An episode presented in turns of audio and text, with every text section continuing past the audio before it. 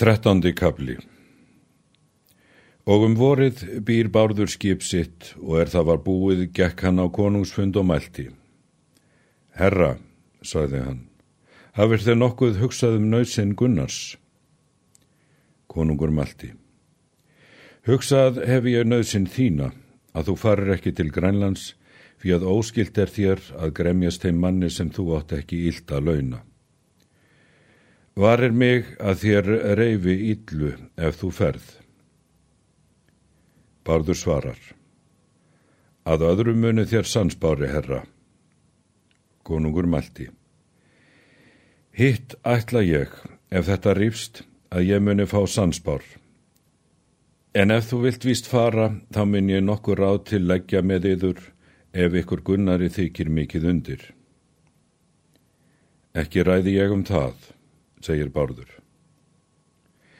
Þess get ég þá, saði konungur, að í þeim litla dal er þar gengur upp að jöklinum muni vatn vera.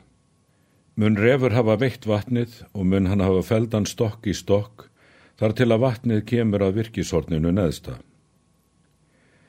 Þar ætla ég gerfa tvo stokka og mun úr einum renna í hinn að báða stokkana og fylla svo hvort feggja hlut virkisins.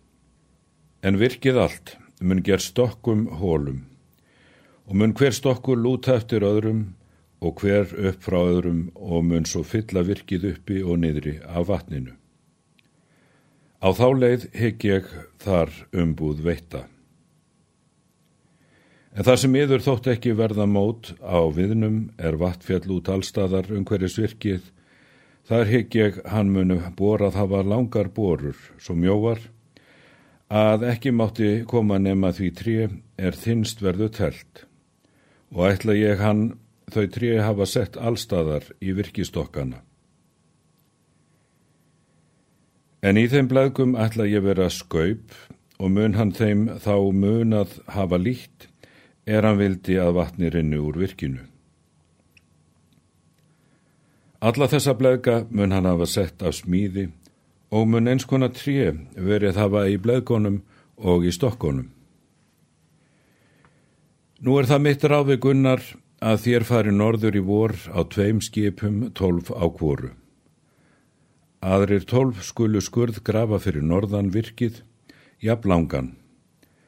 Stundarnær svo djúpan að það taki mann undir hendur og muni þeir finna umbúð lækjarins. Og ef svo er, þá stemmi þeir lækin að hann ber ekki vatnið í virkið. En aðrir tólf beri við að virkinu. Síðan þætti mig von að þér megið brenna virkið fyrir vass sökum.